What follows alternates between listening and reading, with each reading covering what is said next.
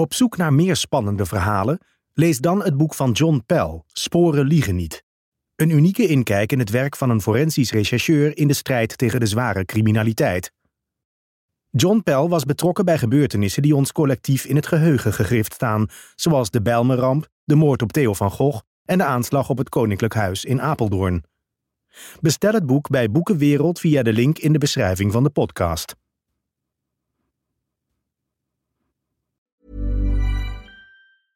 Ryan Reynolds here from Mint Mobile. With the price of just about everything going up during inflation, we thought we'd bring our prices down.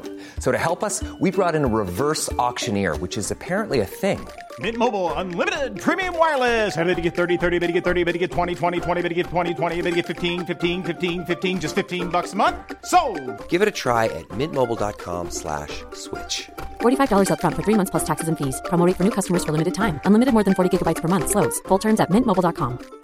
If you thought the only way to get a more defined jawline with natural looking results was through surgery, think again. Juvederm Volux XC is a non surgical injectable gel filler that improves moderate to severe loss of jawline definition and can help you achieve natural looking results with little downtime. Even better, this improved definition lasts up to one year with optimal treatment. No maintenance required. Improve jawline definition for a smooth, sculpted look with Juvederm Volux XC. For important safety information and to find a licensed specialist, visit juvederm.com. That's J U V E D E R M.com. Not for people with severe allergic reactions, allergies to lidocaine, or the proteins used in Juvederm. Common side effects include injection site redness, swelling, pain, tenderness, firmness, lumps, bumps, bruising, discoloration, or itching. There's a risk of unintentional injection into a blood vessel, which can cause vision abnormalities, blindness, stroke, temporary scabs, or scarring. Talk to a licensed specialist to find out if it's right for you.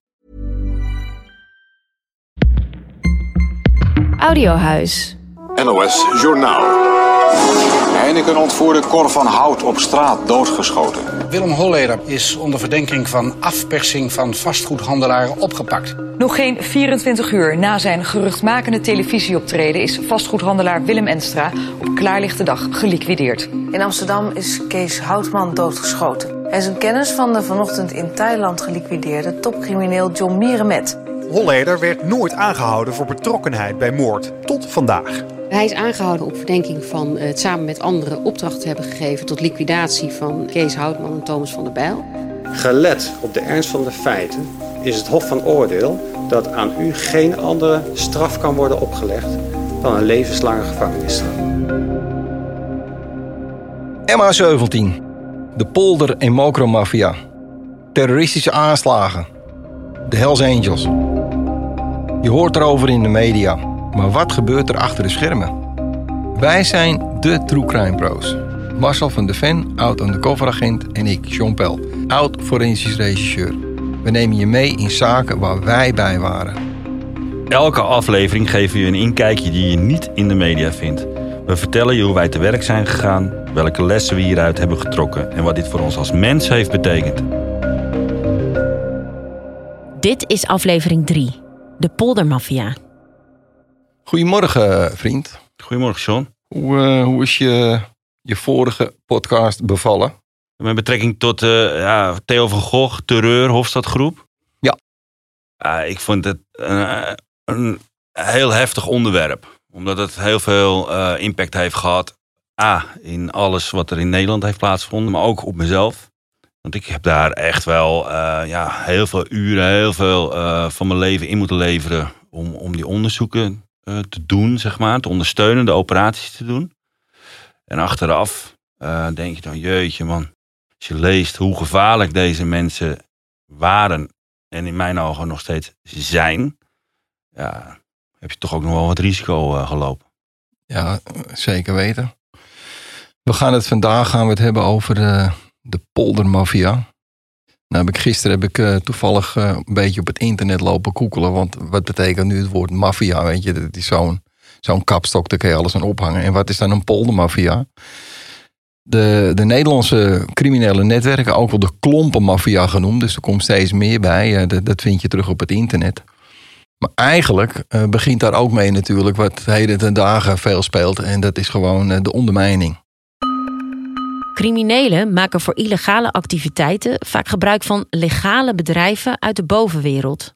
Hierdoor vervagen normen en neemt het gevoel van veiligheid en leefbaarheid af.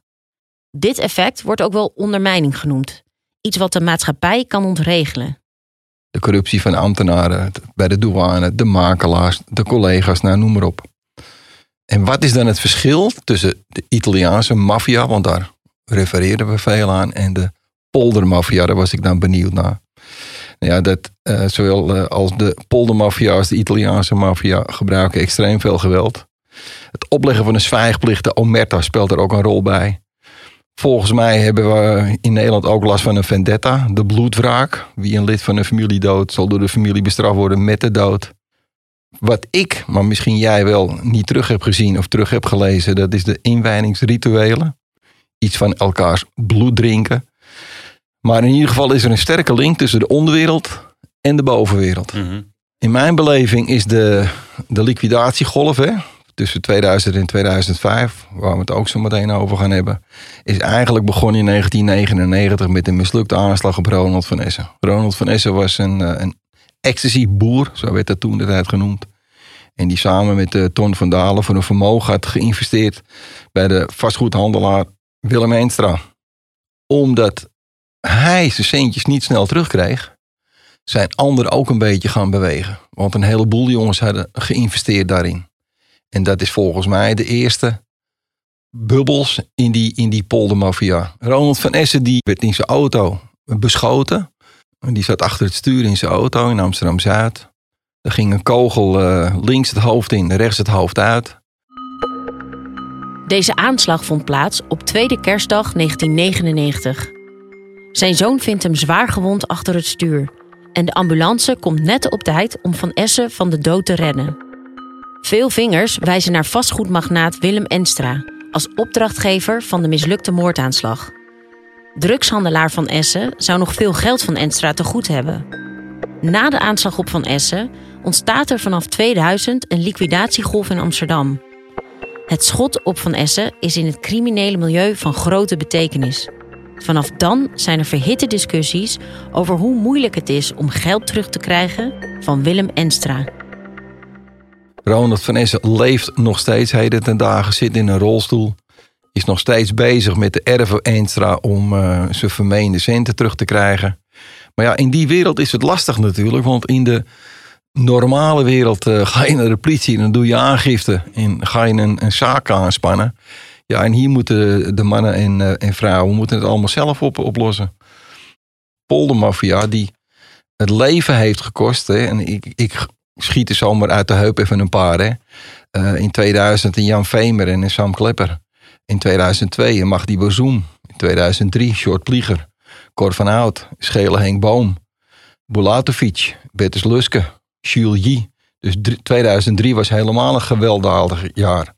2004 de Gijs van Dam junior. Moenier Barsoen. Eenstra zelf. En in 2005 een beetje de laatste perikelen daarvan. Evert Hingst, John Mieren met Kees Houtman, Josie van Kleef. En in 2006 werd Thomas van der Bijl geliquideerd. Dat kan je allemaal wel een beetje samenvatten uit de, de oorlog in de Amsterdamse onderwereld. In die periode, ik weet niet hoe het jou vergaan is, maar in die periode heb ik meerdere jaren achter elkaar, 60, 70 uur per week gewerkt. In die periode was mijn eerste leidinggevende periode, dus mijn vuurdoop was best wel, was best wel heftig.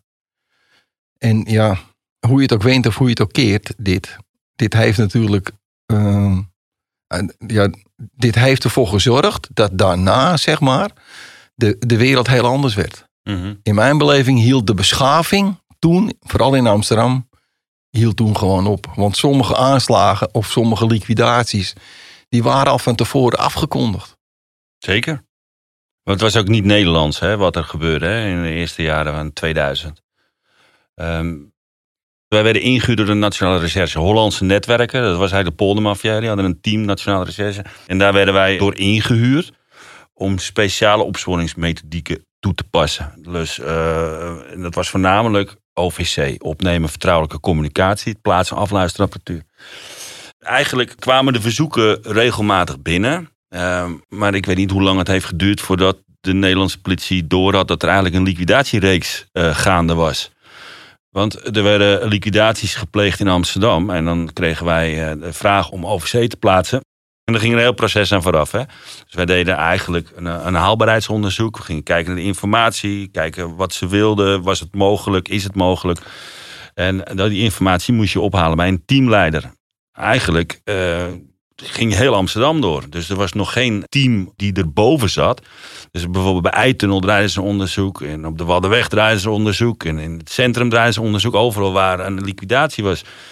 En, en, later pas werd zichtbaar dat er een, een, reeks aan de gang was. En toen is het onderzoek naar boven getild. En dat is naar de Nationale Recherche gegaan. En die hebben toen de leiding gepakt en, en het onderzoek gedaan naar die Hollandse netwerken. Zodra er een liquidatie plaatsvond, ja, dan werden die methodieken uh, aangevraagd. En, en dat betekende voor ons dat, want het was vaak s'nachts. Want wat deden wij? Wij moesten dan s'nachts, uh, ik kan een voorbeeld geven. Er, er woonde iemand uh, in de zomer, en werd er een verzoek gedaan in een auto. En dan moest je s'nachts een verkenning doen. En dan ging het over kijken van hoe gaat de auto open. En als je hem open krijgt, hoeveel keer knipperen de lichtjes. Dus alle risico's werden dan in kaart gebracht om te kijken. Om uiteindelijk dan die plaatsing te doen. En zo'n plaatsing, dat duurde gewoon twee, drie uur. Hè. Je lag twee, drie uur lang op je kop in een auto. Het was niet zomaar dat je even een klein apparaatje naar binnen plakt. Want je had voeding nodig. Nou, die voeding die moest je halen van een, van een constante uh, voedingskabel. Dus de alarmlichten of de aansteker, er zit vaak gewoon de stroom op. Nou, dan moest je de, de microfoontjes nog goed wegwerken. Dus dat moest wel uh, verstaanbaar zijn. Dat is vaak in het midden van de auto. Hè. En dan had je ook nog die hele oude apparatuur. Als het nog dicht bij de radio zat. Want het was met een GSM-module. Dus dan moest je dat downloaden vanaf afstand. En dan hoorde je dat op de radio. Dat ken je wel, weet je. Dat, dat, dat, dat geluid. Dat als je belt bij de radio, dat je dat geluid hoort. Ja. Dus daar moest je allemaal rekening mee houden. Dat was uh, op een gegeven moment dag in dag uit. Dus uh, je was de hele week werd je s'nachts ingezet. En dan had je vaak ook nog piket. Dat is niet erg, hè? want ik was loyaal naar de samenleving, loyaal naar de baas.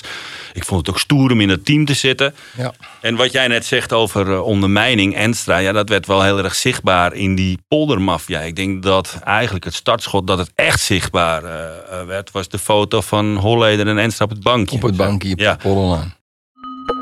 Op de inmiddels beruchte foto zitten Enstra en Holleder tegenover het kantoor van Enstra in Amsterdam Zuid.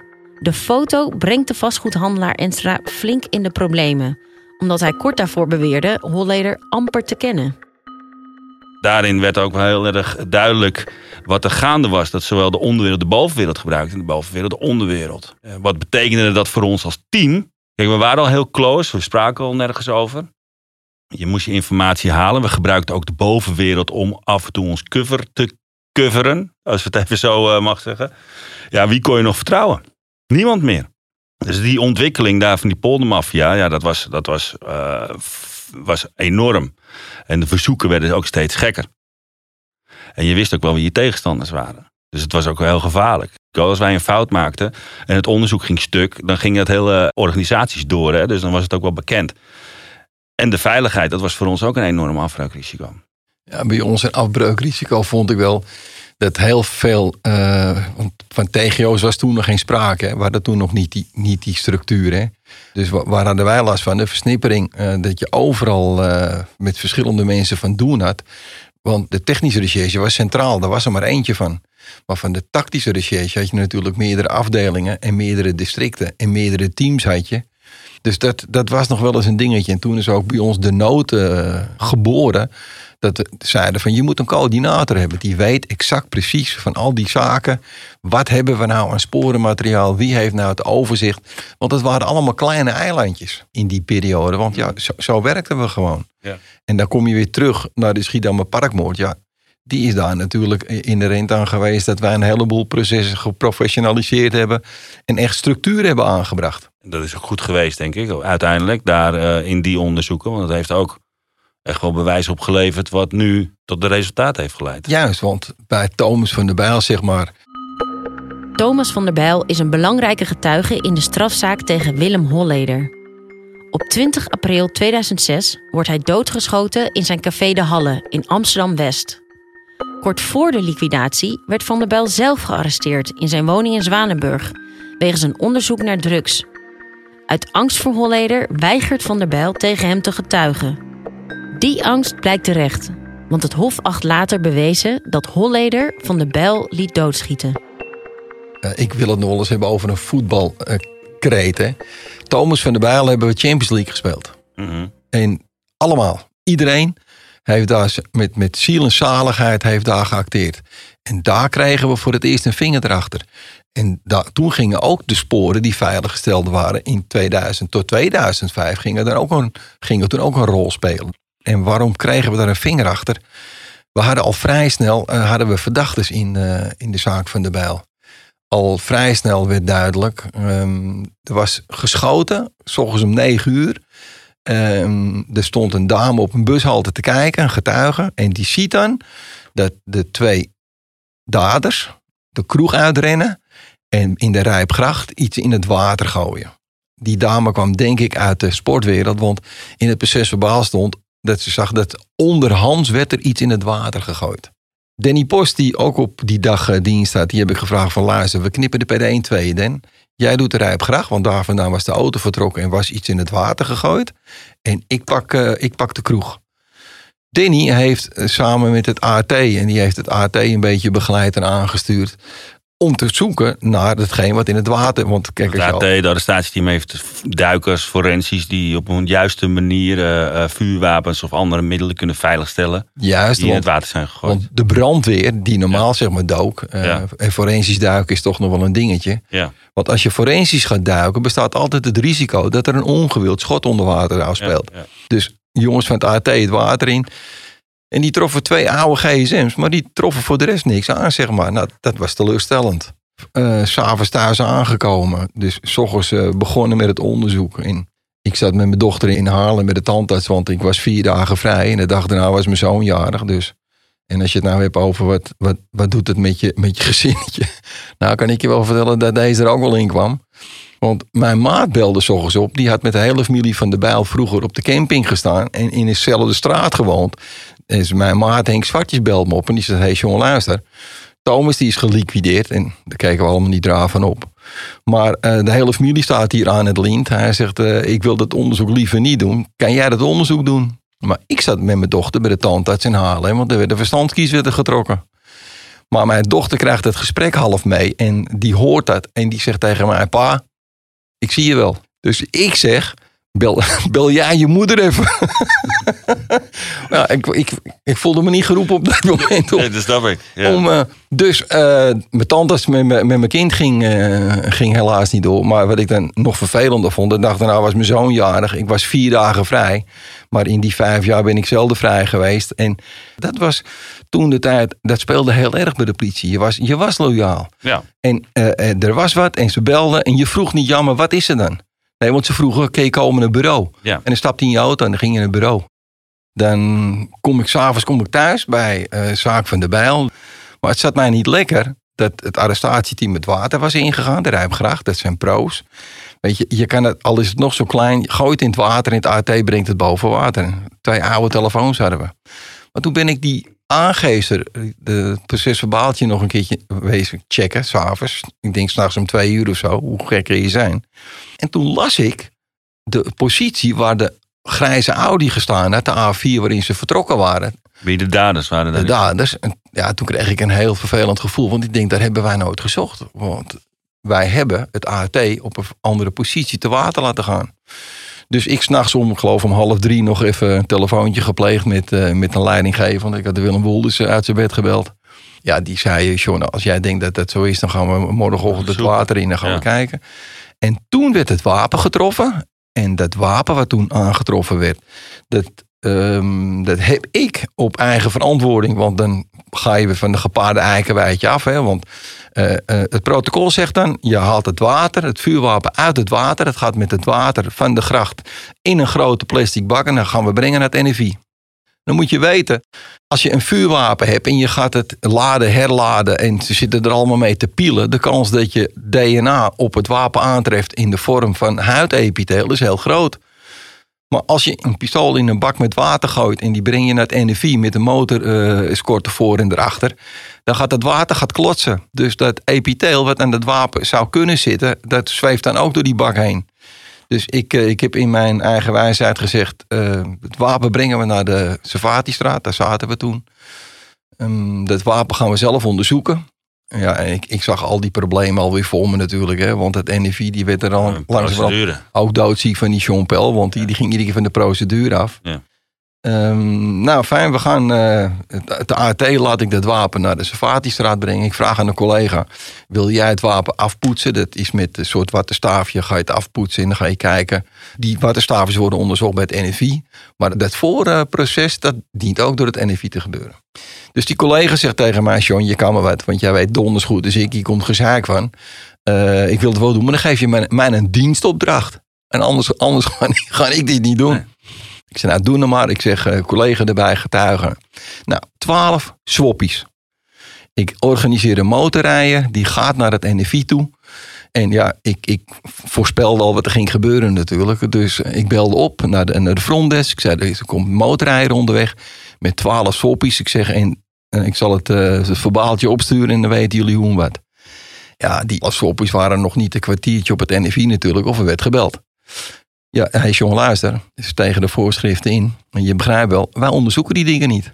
Wat is een swappie eigenlijk? Een swappie is, ja, vergelijk het met zijn oorstaafje, hè? Ja, ja. Ik dus weer mijn leidinggevende bellen. Ik dus aangeven waarom ik die keus gemaakt had. Die leidinggevende neemt weer contact op met de leidinggevende van de collega van het NFI. Die mij weer gebeld had. Nou, de cirkel was weer rond en het werd bij uitzondering alsnog gedaan. Maar nou komt het leuke. Binnen 48 uur resultaat op die afgepoetste swappies van het vuurwapen. Daar zat een meneer op en ik noem hem keurig netjes Alex de B, noem ik hem maar. En die kwam uit jouw konterijen vandaan. Ja, ja, ja, ja. Da- daar woonde Alex de B. Maar dan heb je dus het, het begin van een onderzoek. Ja, dan heb je startpunt. Dan wil niet zeggen dat Alex de B ook geschoten heeft. Maar Alex de B wel ooit het vuurwapen in zijn handen gehad. Nou ja, dan weet je zelf ook wel. Dan gaat er een onderzoek gaat te draaien. En dan is Alex de B is dan een verdachte. Dus nadat Sean weer eens een keertje stout geweest was... werd alles achteraf wel weer rechtgebreden. En eh, begonnen de dingen te lopen. En, en dat is ook een beetje zeg maar, de, de voorloper geweest... van het latere passageonderzoek. Het passageproces gaat over zeven moorden en pogingen tot moord in het criminele milieu tussen 1993 en 2006. Het is voor Nederland het grootste liquidatieonderzoek ooit, met een zeldzaam gebruik van verklaringen van twee kroongetuigen. Het proces eindigde op 27 juni 2017 met negen veroordelingen en één vrijspraak. Head over to Hulu this March, where our new shows and movies will keep you streaming all month long. Catch the award winning movie Poor Things, starring Emma Stone, Mark Ruffalo, and Willem Dafoe. Check out the new documentary, Freaknik The Wildest Party Never Told, about the iconic Atlanta Street Party. And don't miss FX's Shogun, a reimagining of the epic tale, starring Anna Sawai. So, what are you waiting for? Go stream something new on Hulu.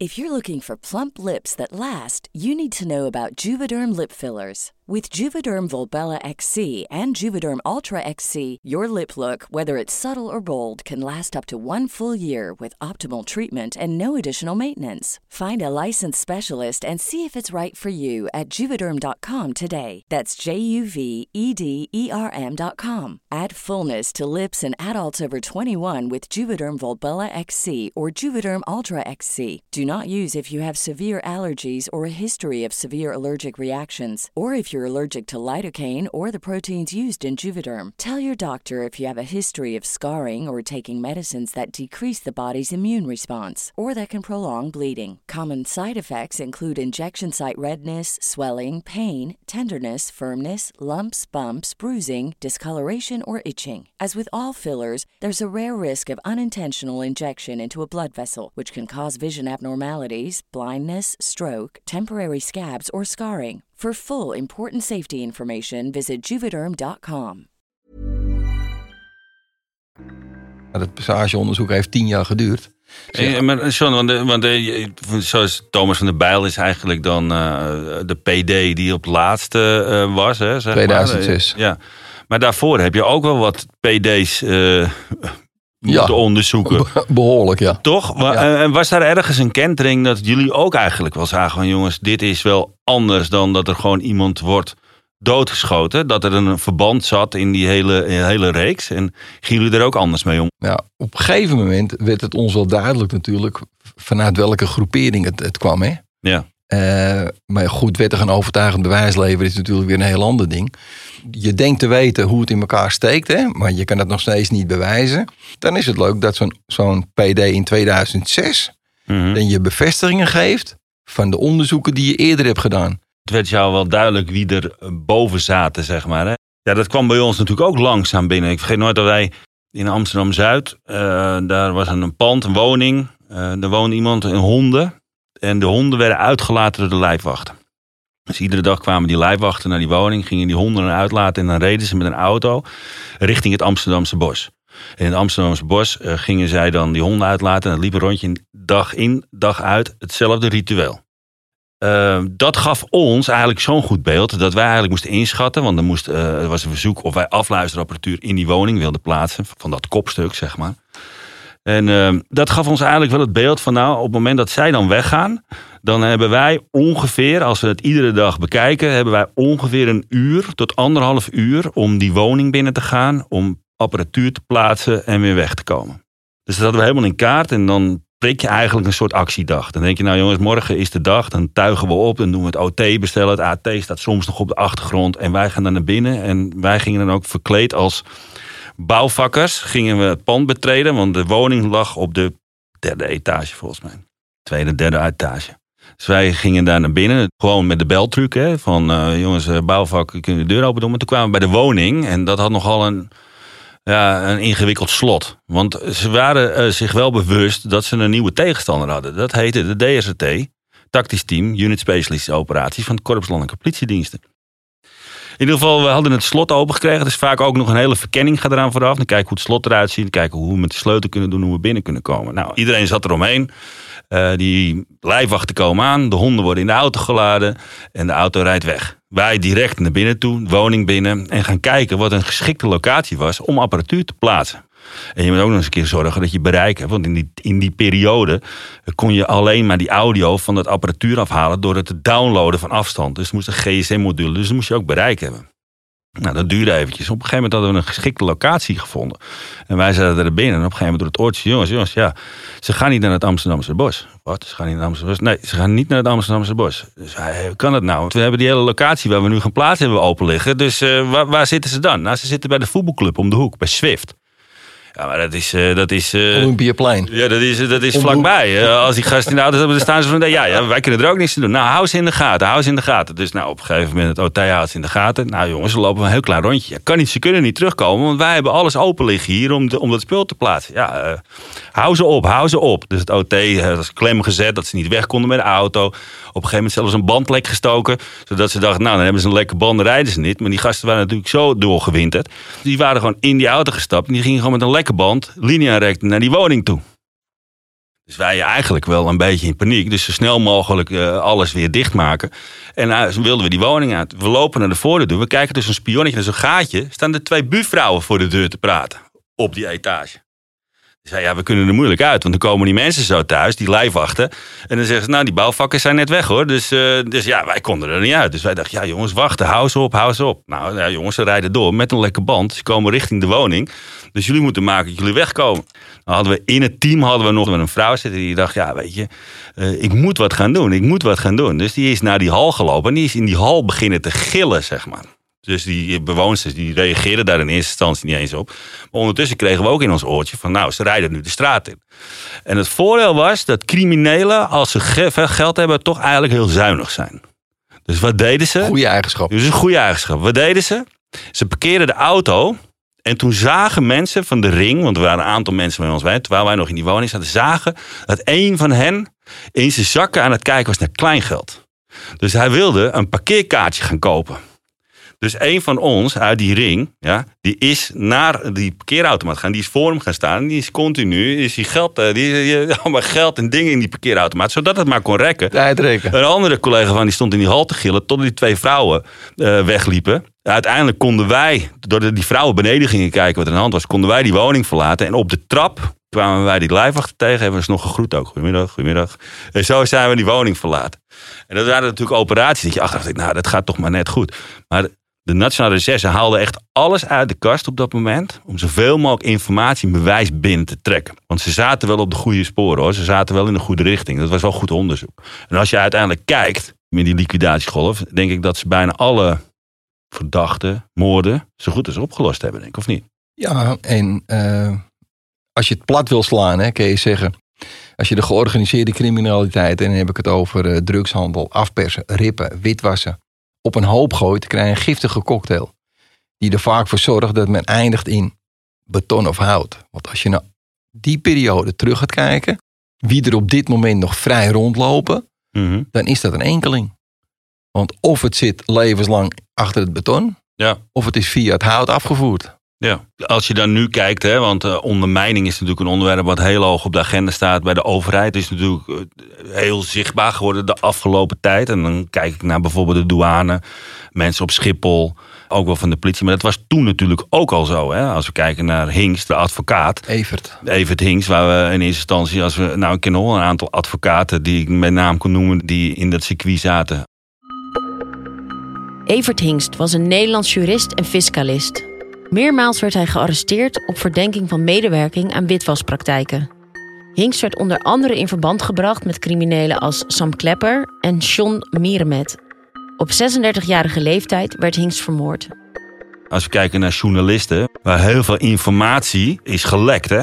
Dus die poldermafia was echt wel op de hoogte van wat wij gingen doen. Hè? We hebben uh, ingebroken bij auto's en, en vervolgens uh, werd het ontdekt. En dat kon bijna niet anders dan dat gelekt was dat wij een operatie hadden gedaan. Dat kon bijna niet anders. Dus ja, weet je, die ondermijning was toen ook al gaande en is de afgelopen jaren pas heel zichtbaar geworden. Maar Enstra is daar een voorbeeld van. Hinks is daar een voorbeeld van. Maar ja, er zijn er nog een paar vanuit het vastgoed omgelegd volgens mij. Ja, zeker. En er zijn er ook al een paar gevlucht vanuit het vastgoed natuurlijk. Ja. Als je gaat kijken naar uh, nice to know, need to know. Ik hanteerde altijd het principe dat alles wat de, de leiding wist van Mhm. het onderzoek op voorhand niet naar buiten ging. En ook als collega's tegen mij het hele verhaal wilden vertellen, zei ik al heel snel van, luister, dat heb ik liever niet. Want als je het niet aan mij vertelt, kan ik het ook nooit gelekt hebben. Want het was toen een periode in Amsterdam dat tegen het hysterisch aan natuurlijk. Mhm. Omdat er hier en daar uh, gelekt werd. En dan krijg je natuurlijk helemaal dat als je in een team zit en je moet elkaar aankijken, ja, ben jij het of ben jij het? Ja. Ik heb altijd de stelling gehouden, er is niks gevaarlijkers als dat er gelekt wordt. Als jij s ochtends vroeg met je mannen ergens naar binnen toe gaat en de idioot, de imbeciel, die weet al dat je komt. Ja. Dan is de ramp niet te overzien. Nee. En dat, dat voor, want heel vaak, waar gaat het nou over, man? Het gaat over een paar rotcenten. Ja, maar ja, dat vonden ze dan wel heel belangrijk. Ze waren er dan wel weer gevoelig voor. Ik denk dat het, sommigen het vrijwillig deden, hè? dus uit winstbejag, dat ze er geld voor kregen. Ik denk dat er in die tijd ook al dienders onder druk zijn Onder gezet. druk, eh, oh, dus zeker. die zijn echt benaderd uh, en uh, die echt wel afgepest, bedreigd zijn. Maar ja, voor ons was dat ook een enorm afbreukrisico. En daarom waren wij er ook heel erg scherp op. En we waren ook fel tegen de collega's die dat deden. We hebben ook meerdere onderzoeken gedraaid op platte collega's. Marcel bedoelt hiermee een agent die omgekocht is. Een platte agent is een corrupte diender. Ik heb zelfs een keer ingebroken in een politiebureau.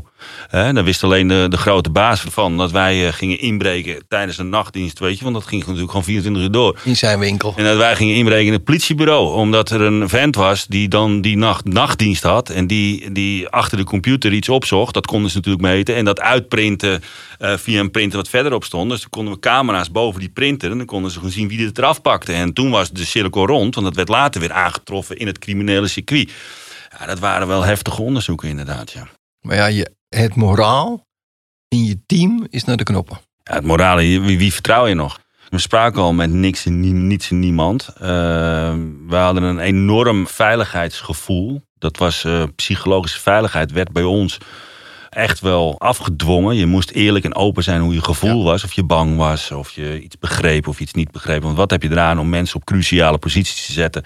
in zulke gevaarlijke acties, terwijl hij niet lekker in zijn vel zit. Hij heeft een slechte avond gehad, hij heeft ruzie gehad, uh, uh, noem ja, het maar op. Noem maar op. En door de onveiligheid, zeg maar... dus zowel de bovenwereld werd zichtbaar, dat, dat, dat onze tegenstander werd... werd het was ook intern kwamen we dan onze tegenstanders tegen. Nou, deze gasten, we kregen ook onderzoeken, uh, aanvragen van de Rijksrecherche. om onderzoek te doen naar platte collega's. Ja, die Rijksrecherche, dan kon je het aantonen, het bewijs. En dan kwam de Rijksrecherche, nou, dan werden die mannen aangehouden. En die kregen dan ook echt gevangenisstraf.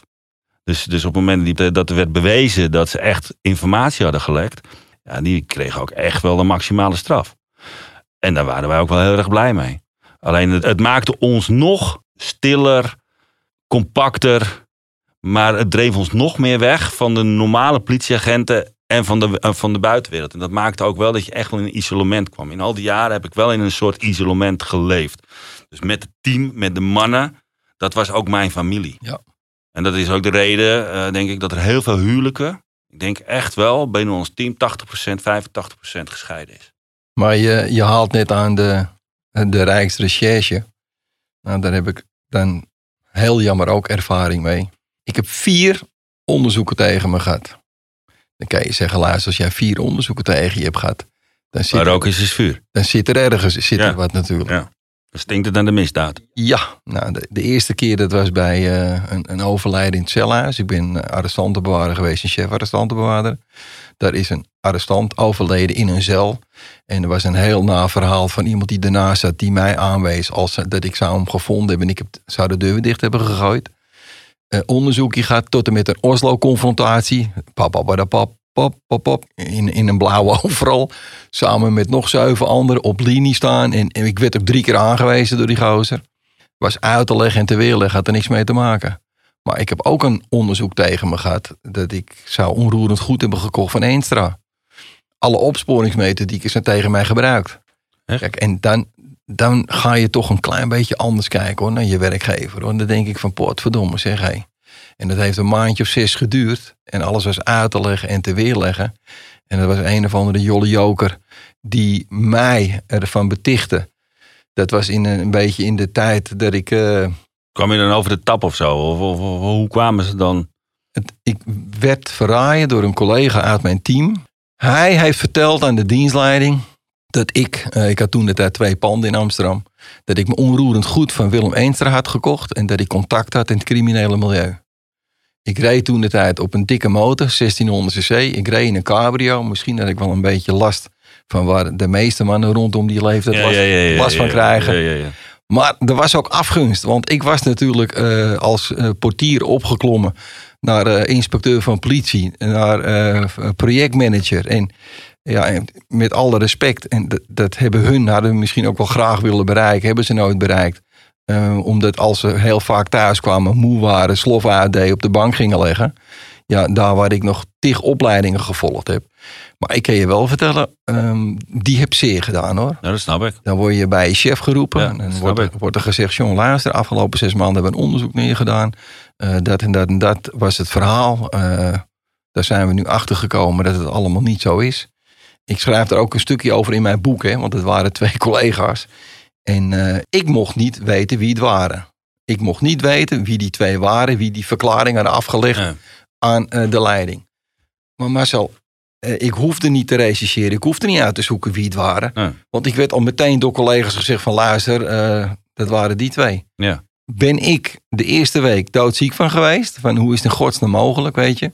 En daarna zijn hun in het team gebleven. Waarom? Misschien was het anders geweest als ze agent, hoofdagent waren op een district. En daar heb je er een paar honderd van. Maar Marcel, Ja. we kwamen al aan alle kanten volk en mensen tekort. Dus wij zijn eh, gewoon door blijven gaan. Ik heb in een briefing gezegd van wat me is overkomen. Daar heb ik open, duidelijk en eerlijk over gesproken. Ik noem hun in mijn boek eh, de firma Pinocchio Co. Ja. Ik heb niet hun namen daarin Nee. gezet, want dat, dat vond ik niet netjes dan. Nee. Maar ik weet wel wat voor impact het heeft. Als jij als verrader, als platte gozer... in de omgeving waarin je je altijd veilig hebt gevoeld... heel mooi hebt gewerkt, als je dat overkomt. Ja, maar dat snap ik ook heel goed hoor. Ik heb dat gelukkig niet gehad. Ik ben ook leidinggevende geweest binnen de hele politie. Chef van de forensische opsporing, ben chef van zeden geweest. En er waren soms wel eh, collega's bij twijfelachtig. Hè? En, eh, en waar je signalen van, van, van kreeg dat het niet klopte. En ik vind het wel goed dat het onderzocht wordt. Ja, Eh, dat ook. die signalen er zijn. Ik vind Ja. het echt, dat, dat Niet kunnen onder ze niet, niet- ontkennen. niet Dat- onder het tapijt vegen. Nee, dat kan niet. Kan niet. Alleen de wijze waarop dat af en toe dan afgerond wordt. Hè? Want dan we hebben we het wel vaak over tunnelvisie. Hè? Maar in dat soort onderzoeken heeft heel vaak tunnelvisie plaatsgevonden. Hè? Dus dat er interne onderzoeken kwamen. En dat mensen zeiden, nou, dit moet fout zijn. Dus hij is fout. En het oordeel was eigenlijk al geveld. Eh, eh, maar dat het onderzocht wordt, vind ik echt, echt heel goed. Alleen de afhandeling, dat Nou, verdient veel meer aandacht. Nou, mijn afhandeling was heel simpel. integriteit. Ik werd geroepen bij mijn leidinggevende Ja. in die station. Dit is het, dit is het verhaal. We hebben zes maanden lang hebben we dat eh, uitgezocht. Ja. Er valt jou niks, niks te verwijten. Ehm, eh, dat was hem. Dus een gesprek van drie minuten. Met andere woorden, hey gozer. Ja. We hebben de afgelopen zes maanden hebben we je privé helemaal in beeld gebracht. We, hebben- we zijn al je gangen nagegaan. Eh, ik kan me nog herinneren dat ik toen, de, toen de tijd wel heb eh, gevraagd. Hebben jullie ook een financieel onderzoek naar me geda- gedaan? Hè? Want eh, het ging over het feit dat ik twee panden in, in bezit had. Ja. Nee, dat hebben we dan niet gedaan. Ik zei, dat vind ik dan hartstikke jammer. Ik zeg maar, als je dat alsnog zou willen doen als sidekick, mijn toestemming heb je hoor. Ja. Als je hem terugbrengt naar 1999, dat was natuurlijk nog de oude, de oude garde criminelen. Hè, Oude penose. Ja, daar verlang je nu misschien nog wel een beetje naar terug. Ja, want eh, kijk, wij hebben gewerkt op, op, op Holleder, we hebben gewerkt op, op alle grote kopstu- kopstukken. En de advocaten die belden dan van jongens, als jullie nou onze mannen nodig hebben, eh, zeg het dan, melden ze zich wel. Want die willen niet opgehaald worden door het arrestatieteam, bewijzen van. Ja. En we zijn nu denk ik in een tijdperk beland dat er helemaal geen ja, hoe moet je het zeggen, geen regels meer zijn. Als je ziet wat er nu aan geweld plaatsvindt en hoe de bedreigingen, ehm, hoe die tekeer gaan in die criminele organisaties, dat is helemaal schrikbarend. Het is misschien niet het juiste woord, maar toen was er nog wederzijds respect. Ja. Want die klanten wisten exact wie wij waren. Wij waren wie die klanten waren. En als het je wel eens overkwam dat je in de horeca toevallig tegen zijn snijboon aanliep. Ik ging vroeger nog wel eens naar de Amstelveense weg naar Café Joost mag het weten. En ik werkte op een, eh, op een subject. En die eh, had ineens het, eh, het, het idee gevat dat hij daar ook op vrijdagavond was. Wij moesten naar zaalvoetballen. En na afloop gingen we de derde helft dat doen. En die was dan ook in die kroeg waar ik met mijn, met, vrouw was en met mijn vrienden en kennissen. Ja, ja. En dat was niet één keer. Nee, dat heeft die schurk wel, eh, ik denk, een keer of vijf achter elkaar gedaan. Wat geresulteerd heeft dat John zijn stamkroeg kwijt was natuurlijk. Want ja, ik kon moeilijk elke vrijdagavond naar het zaalvoetballen daar aansluiten. Want eerst kwam het poppetje alleen en toen kwamen er nog twee bij, weet je. En dan, dan kijk je naar elkaar hè. En eh, ik groet ook gewoon, hè. Ik bedoel, ik tuurlijk, gewoon, hoi? Ja, hoi. En eh, ja, ja, dan is het jammer dat je dan, eh, want dat heb jij hetzelfde gehad. Het heeft zoveel beperkingen opgeleverd in je privé. Omdat je eh, diender bent geworden. Dat je in een glazen huis acteert. Dat je zomaar een huishoudelijk onderzoek of een intern onderzoek, eh Rij- Rijksrecherche-onderzoek tegen je krijgt. Dan lopen ze ook nog in je kroeg. Nou, er waren nog wel eens van die momenten dat ik Ja, dacht ja. van... eh, misschien had ik gewoon lekker de bouw in moeten gaan vroeger of zo. Ja, ja, ja.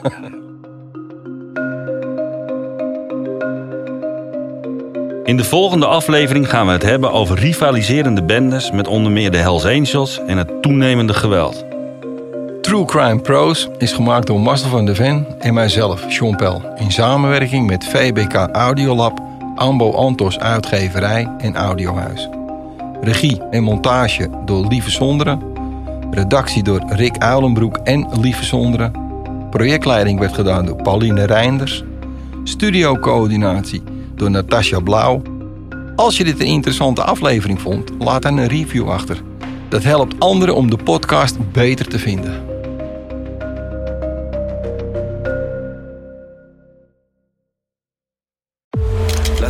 Sophia, 28. Advocaat. Yes! Eh, doe wat nodig is. Het belangrijkste is haar persoonlijke omgeving leren kennen. Hi, jij bent Sophia. Hi. Hi, ik ben Jonathan. Nog nooit kwam je zo dichtbij de Nederlandse spionagewereld. Jonathan, mocht blijken dat deze leiden minder onschuldig zijn dan gedacht, dan is de case closed. Omdat het Den Haag is? Politiek is een no-go. Jonathan, een razendsnelle audiothriller over een jonge AIVD'er op een onmogelijke missie. Ik nog iets binnen via de politieke desk. Een verhaal over Russische inmenging in de politiek. En over macht en ambitie. Ik heb dus de hele tijd het idee dat ik iemand zie. I said no. Go away. Don't be stupid. Don't! Sophia! Sophia! Gebaseerd op de ervaringen van voormalig AIVD'er Inze Martin. Jonathan. Ja? Kijk uit hè. Dat je niet vergeet waarom we dit doen. Nu in je favoriete podcast-app.